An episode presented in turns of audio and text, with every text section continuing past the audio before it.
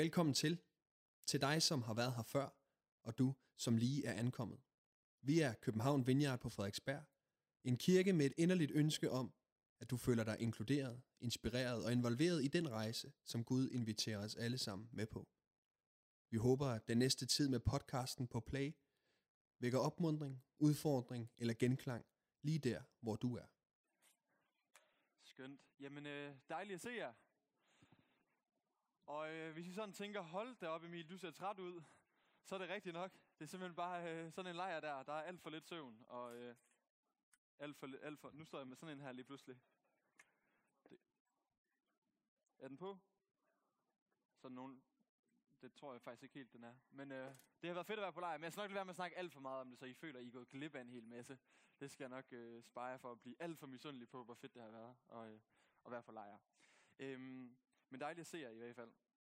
Øh, I dag, og også nogle af de kommende søndage, hvor øh, i hvert fald de to næste gange, hvor Anne Ågaard skal tale, der har hende og jeg snakket om at snakke lidt om bjergprædiken. Vi er inde i det her tema med at gå i Jesu fodspor. Det er det, som vi kigger på her øh, i løbet af det her år.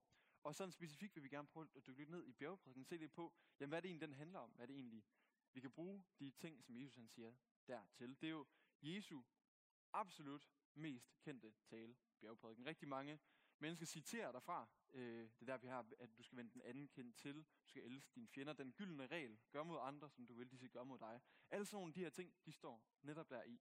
Ting, som bliver citeret millioner af gange, og ligesom bliver ved med at, at have et liv. Men bjergprædiken, hvad er det, vi skal med den? Hvad er det egentlig for nogle spørgsmål, den svarer på? Øh, jeg vil egentlig sige, at den grundlæggende svarer på to spørgsmål. Og det er ikke noget, jeg bare har fundet på. Det er noget, jeg har fra en, øh, en klog teolog, jeg godt kan lide.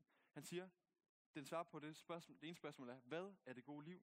Og det andet, hvordan skal jeg leve mit liv? Hvad er det gode liv?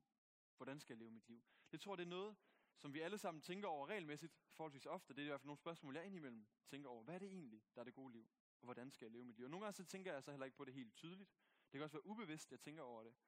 Og på mange måder tænker jeg også, den måde vi lever på, den måde vi gør i vores hverdag, er på en eller anden måde et udtryk for, hvad vi tænker er det gode liv. Jeg tror, vi alle sammen forsøger at leve det, der er det gode liv. Vi forsøger alle sammen at leve et liv, der også er godt for andre, et liv, der er godt for os selv.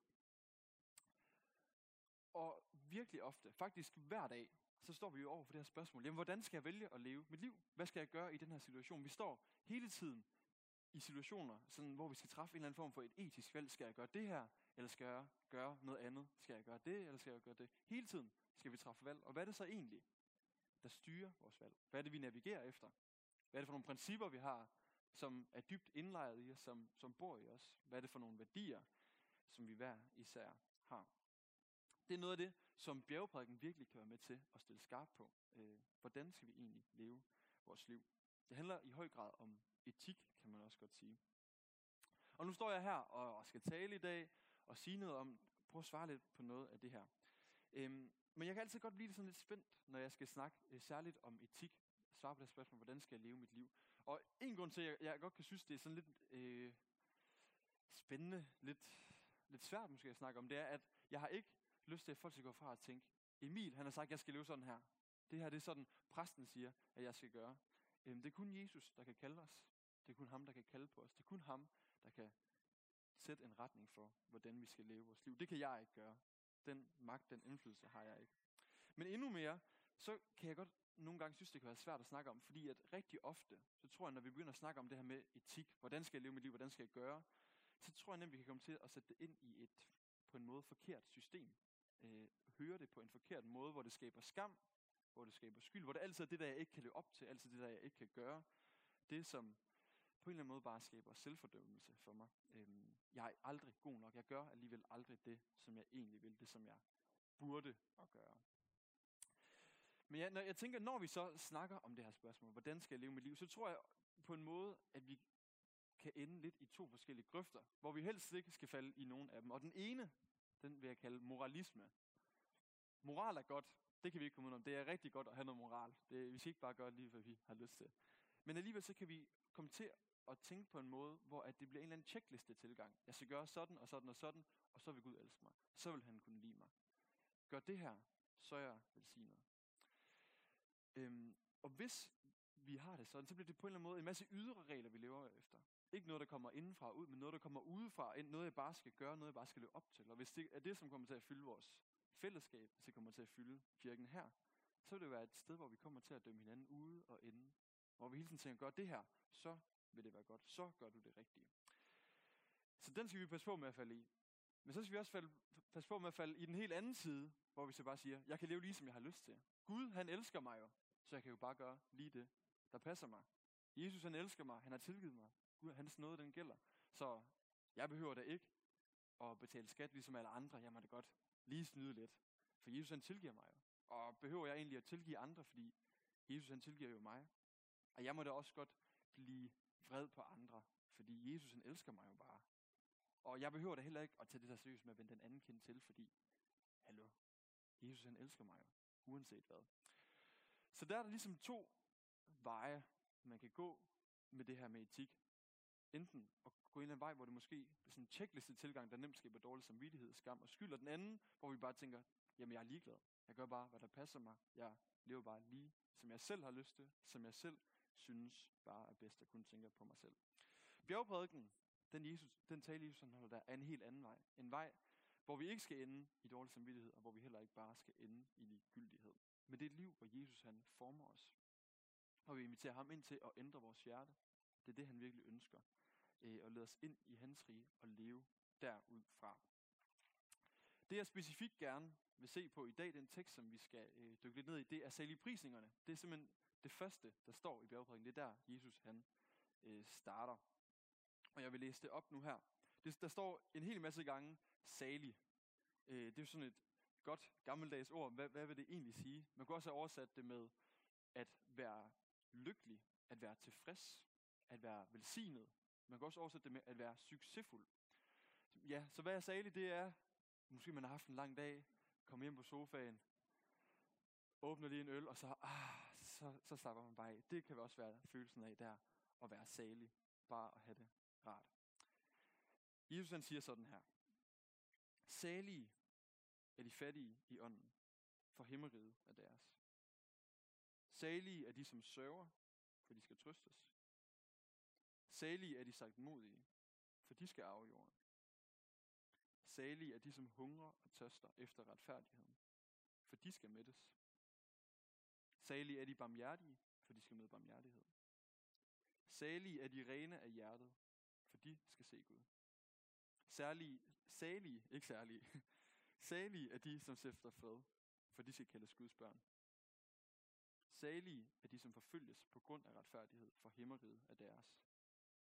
Salige er I, når man på grund af mig håner jer, og forfølger jer, og løber jer alt muligt på. Fryd jer og glæd jer, for jeres løn er stor i himlene. Således har man også forfulgt profeterne før jer. Jeg ved ikke, hvilken følelse du sidder med, når vi læser det her. En, en måde, man kan tænke på det, det, det lyder smukt. Det er jo rent litterært, sådan, det er jo bare smukt. En masse gentagelser, det lyder flot, den måde, som Jesus han har stået her og talt. Men samtidig, når jeg, når jeg hører det her, så kan jeg hurtigt godt komme til at tænke de her krav ind igen. En masse ting, som jeg skal gøre. Og jeg tror faktisk desværre ofte, at saligprisningerne er blevet udlagt på en lidt forkert måde. Jeg ved ikke, om du sådan har ligget søvnløs om natten over, hvordan skal man egentlig forstå saligprisningerne. Det har jeg ikke selv gjort så mange gange. Men alligevel, jeg har nogle gange hørt den udlagt på en måde, hvor det handler om en masse, jeg skal gøre, nogle ting, jeg skal stræbe efter. Og det giver, på, på grund af nogle af tingene, der står, så giver det også god nok mening måske at tænke det den måde. Men jeg vil lige prøve at snakke om, hvordan jeg tror, man ikke skal forstå den. Til at starte med. For eksempel så er det de, som hungrer og tørster efter retfærdigheden.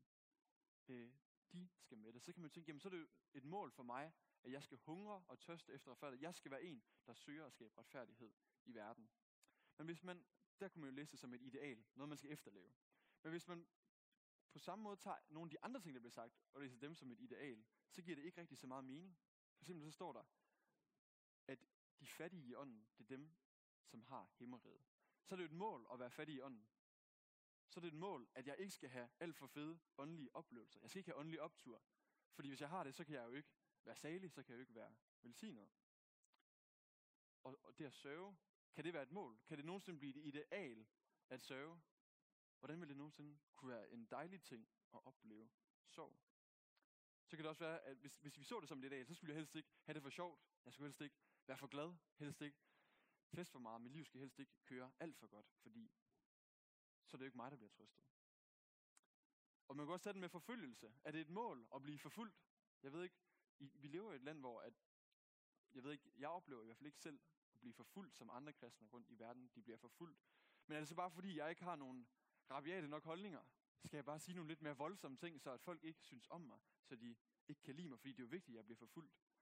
Fordi at det er jo de, som bliver forfulgt, som skal juble og glæde sig. Jeg ved ikke, om I kan se det, men øh, jeg synes ikke, den her måde at læse dem på rigtig giver mening, hvis det er nogle idealer. Hvis det bliver sådan en form for checkliste, hvor hvis du gør det her, så bliver du velsignet. Du bliver velsignet, hvis du gør sådan og sådan og sådan. Det er ikke det, der egentlig står. Jeg har øh, på et tidspunkt været i Israel sammen med nogle venner, øh, dengang jeg gik i gymnasiet. Og der var vi øh, ved Genesrets sø, øh, og vi gik op på det bjerg, som man i dag kalder celebrisningernes bjerg, hvor man tror, at Jesus han i hvert fald har holdt talen. Vi kan godt lige at sige, at det var, det var lige her, han gjorde det. Så vi øh, satte sætter os der, hvor man tænker, her kunne Jesus have stået, set ud over søen, og så har der været fyldt med mennesker, der har lyttet til talen her. Og vi sætter selvfølgelig læse hele bjergprædiken sammen, øh, os der var afsted der. Og øh, jeg synes, den var fantastisk. Det synes øh, mange af mine venner også, og vi gik ned fra bjerget igen og var bare klar til at gå ud i verden, vende den anden kende til, og øh, aldrig mere blive vrede og øh, elske vores fjender og gøre alt det, som øh, Jesus han taler om her. Men så er der en øh, af mine veninder, som også er med på turen.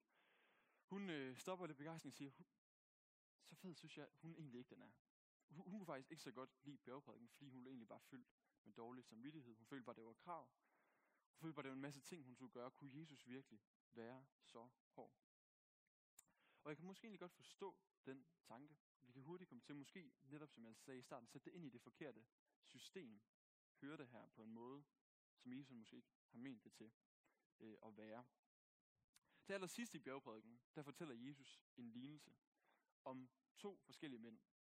De bygger hver sit hus, den ene bygger på sand, den anden bygger på klippe.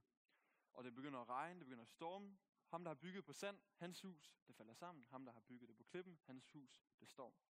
Og så siger Jesus, ham, der byggede på klippen, han er som ham, der hørte ordet og handlede derefter.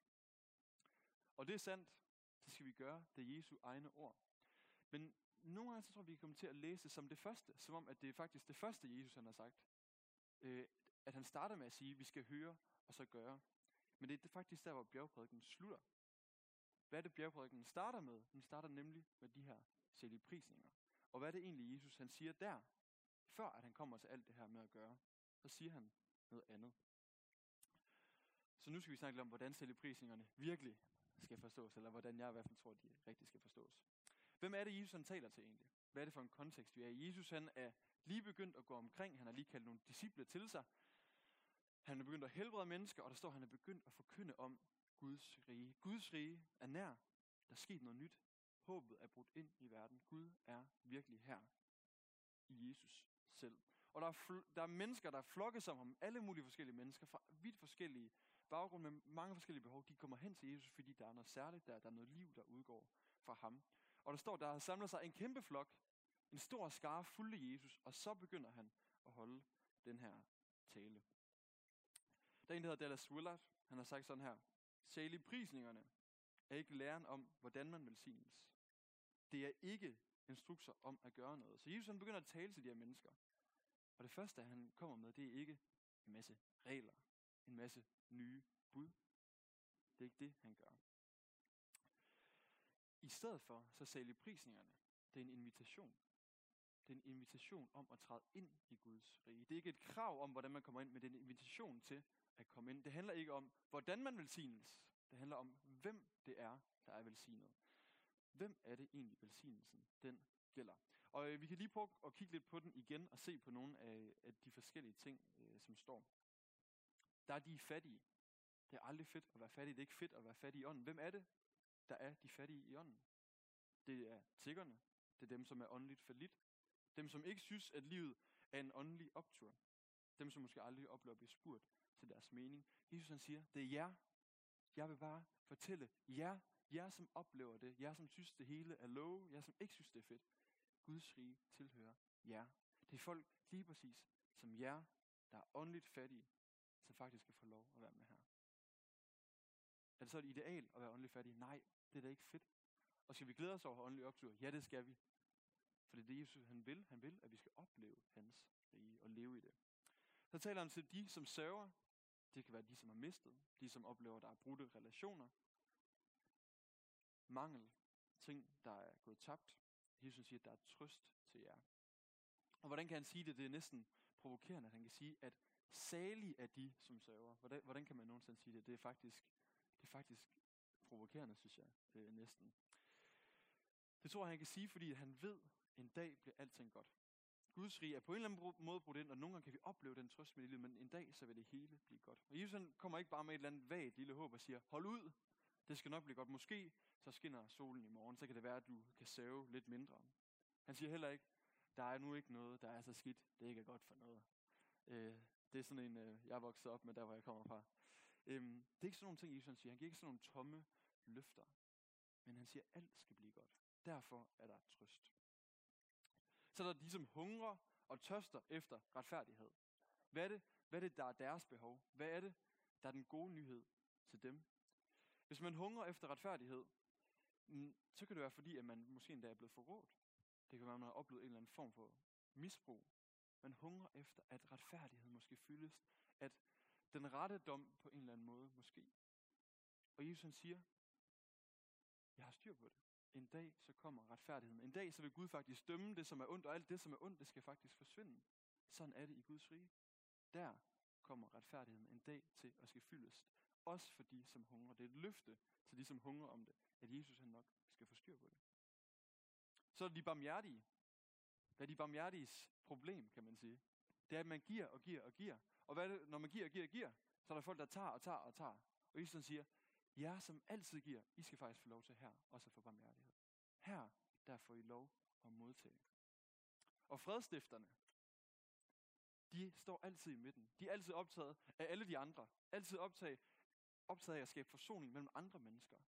Altid optaget af de andres behov. Og så siger Jesus, jeg vil faktisk bare fortælle til dig, at du er Guds barn. Du er et barn. Du er ikke bare et middel til, at andre de skal få det godt. Faktisk, du har værdi. Du er et barn. Du er velkommen i Guds rige med det, som du også synes er svært. Og så er der de, som bliver forfulgt. Det er jo aldrig fedt at blive forfulgt. Øh, men Jesus siger, midt i det, at de bliver forfulgt. Ikke fordi I har været nogle øh, idioter, det siger han ikke. Det er ikke, man siger, hvis I bliver forfulgt på grund af mig, på grund af, at I følger mig, så skal I bare kunne fryde jer og glæde jer midt i det, for jeg er hos jer. Celebrisningerne handler om, at Guds rige er brudt ind. At Guds rige er tilgængeligt. At Guds rige er her midt i blandt os. Det er en, det er en virkelighed, vi inviteres til at træde ind i. Og det har Jesus sagt til alle mulige forskellige mennesker, med alle mulige behov, med alle mulige længsler. Kom og vær med her. Han siger endda, at de mennesker, der har behov, de mennesker, som oplever længsel, de mennesker, som oplever mangel, I er succesfulde. Så kunne man også oversætte det. I er succesfulde. Det er ikke bare de populære, de rigtig dygtige, de flotte, der er de succesfulde. Nej, det er jer, fordi at her er Guds rige. Så hvad er det gode liv? Hvad er det gode liv? Det er at leve i Guds rige, at få lov at tage imod Guds rige, og så begynde at leve i Guds rige. Det er virkelig det gode liv. Øhm, I går der øh, holdt Claus Ågaard et øh, skønt seminar øh, på den lejr, vi var på, og øhm, han sagde noget, der bare var rigtig godt, som jeg simpelthen lige har lyst til at citere her. Han citerede fra en eller anden franskmand, som jeg ikke kan huske navnet på, men øh, det er et godt citat anyways. Øhm, Pas på, at din længsel efter at stige op til Gud, ikke kommer til at overstige vidsheden om, at han først kom til dig. Jeg siger, det det igen.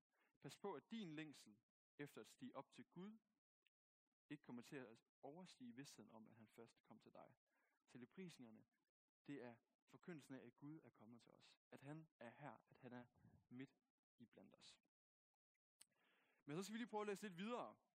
Lige bagefter, at Jesus han har sagt de her teleprisninger, så fortsætter han, og så siger han til de mennesker, som står og lytter, siger han, I er jordens salt. Men hvis saltet mister sin kraft, hvad skal det så saltes med? Det duer ikke til andet end at smides ud og trampes ned af mennesker. I er verdens lys.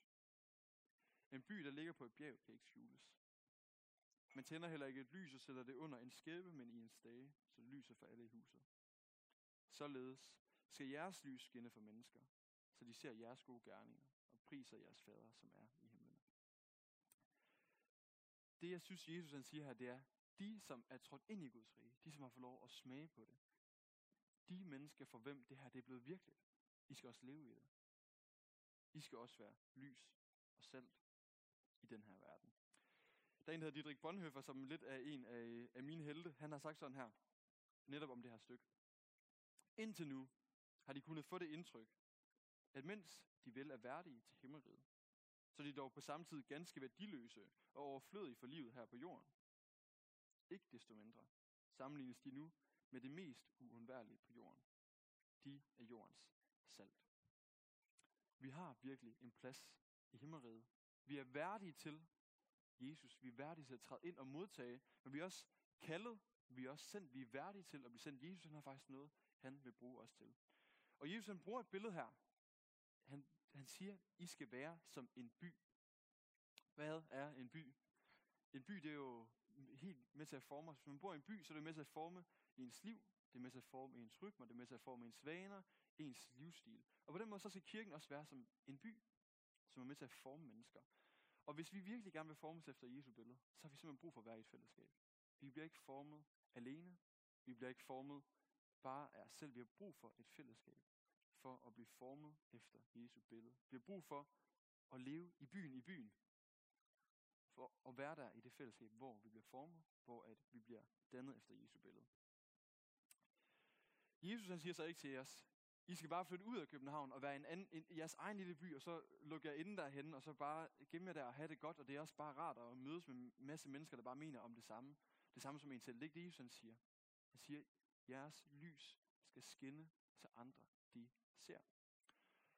Noget, jeg godt kan lide ved den måde, Jesus taler om det her, det er, at han siger ikke, at du skal være verdens lys. Det er ikke, det er ikke mig, der er verdens lys, men det er os, der er verdens lys. Det er et vi, det er noget, vi er sammen. Og hvem er det, Jesus han siger det til? Han siger det til de mennesker, han lige har talt om, var åndeligt fattige, som sørgede, som hungrede efter det ene og det andet. De mennesker, som oplever, det hele ikke er perfekt. De mennesker, som oplever brudhed. Og midt i vores brudhed, der får vi at vide, I er lys. Midt i et brudt fællesskab, hvor vi har alle hver vores ting at kæmpe, derfor siger Jesus, ja, som I er, I er verdens lys. I er jordens salt. Det synes jeg, det er befriende, at Jesus han kan bruge os midt i vores brudhed. At det ikke er en eller anden perfektion, vi skal opnå, og så er vi lys. Men at vi er kaldet til at leve ud af det rige, som vi er inviteret ind i. Hvad er så det gode liv? Og hvordan skal jeg leve mit liv? Det var de to spørgsmål, som vi startede med. Hvad er det gode liv? Jeg tænker, det gode liv, det er at leve i Guds rige. Og tage imod det, som Gud han giver. Og hvordan skal jeg så leve mit liv? Jamen jeg skal leve det ud fra virkeligheden om, at Guds rige er nær. At Guds rige bryder ud. At Guds rige kan bryde ud igennem mit og vores liv. Hvad betyder det så konkret? Det kan jo lyde flot, og det er også måske lidt fluffy. Hvad betyder det egentlig konkret for mig? Øh, det kan jeg ikke altid svare på. Vi står jo hele tiden, som jeg sagde, i alle mulige beslutninger, vi skal træffe. Vi skal hele tiden på en eller anden måde med vores liv besvare det her spørgsmål, hvordan skal jeg leve? Og jeg kan ikke bare sige det sådan, her, vi I gør i hver situation. Der er aldrig to situationer, som er helt ens. Det er aldrig bare det samme. Så derfor så tror jeg, at vi har brug for at have nogle principper, nogle ting at leve efter, som er med til at forme som er med til at danne os, nogle værdier, som vi på en eller anden måde kan navigere efter, som efterligner Jesus. Og dem er der masser af i bjergprædiken. Jeg vil invitere jer til, måske bruge jeres ferie, hvis I har sådan en til, eller resten af den her søndag til, måske at læse noget af det her, som Jesus siger, hvad det er for nogle værdier, han taler om at leve med. Et, et liv, hvor vi efterligner Jesus. Ligesom Jesus stod på korset, så siger han, sådan skal I også vende den anden kendt til.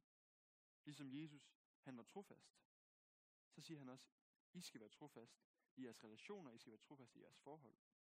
Ligesom Jesus han tilgav de mennesker, der var ved at dræbe ham, var ved at slå ham ihjel. Så siger Jesus også, I skal også tilgive. Det er sådan, det er at være de, som hører og handler derefter. Det er, at vi efterligner Jesus. Det, som han allerede har givet os, som kalder han os til at leve. Så det er et liv, hvor at vi modtager, hvem Gud han er, modtager hans rige og lever derudfra. Hvor vi begynder, som vi, som har sørget, vi som hunger, at vi begynder at modtage de, som hungrer, de, som sørger, de, som er åndeligt fattige, de, som har brug for trøst, at vi rækker det ud til de mennesker. Og så siger Jesus til allersidst, så skal verden se jeres gode gerninger. Han siger ikke, de skal høre jeres ord. Vi skal ikke bare gå ud og sige en masse. Ikke, at vi ikke skal sige ting. Ikke, at vi ikke skal fortælle. Men siger, at de skal se jeres gode gerninger. Det skal blive til liv for os. Det skal forme vores hjerter, så det bliver noget, der kommer indenfra ud, så det er noget, vi faktisk lever. Tak fordi du lyttede med. Vi håber, at du går herfra med mod og nye tanker. Er du interesseret i mere fra København Vineyard, kan du finde os på Facebook, Instagram eller på vores hjemmeside. Du er altid velkommen forbi kirken på Nyvej 7 på Frederiksberg, både til gudstjeneste om søndagen eller i løbet af ugen. Guds fred og velsignelse til dig. Tak fordi du lyttede med. Vi håber, at du går herfra med mod og nye tanker. Er du interesseret i mere fra København Vineyard, kan du finde os på Facebook, Instagram eller på vores hjemmeside. Du er altid velkommen forbi kirken på Nyvej 7 på Frederiksberg, både til gudstjeneste om søndagen eller i løbet af ugen. Guds fred og velsignelse til dig.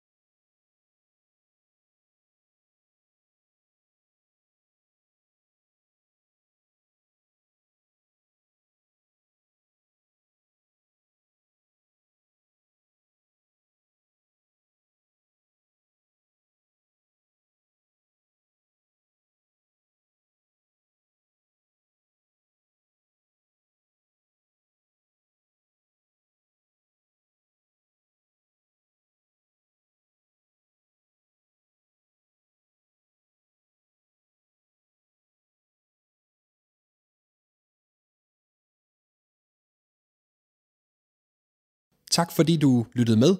Vi håber, at du går herfra med mod og nye tanker. Er du interesseret i mere fra København Vineyard, kan du finde os på Facebook, Instagram eller på vores hjemmeside. Du er altid velkommen forbi kirken på Nyvej 7 på Frederiksberg, både til gudstjeneste om søndagen eller i løbet af ugen. Guds fred og velsignelse til dig.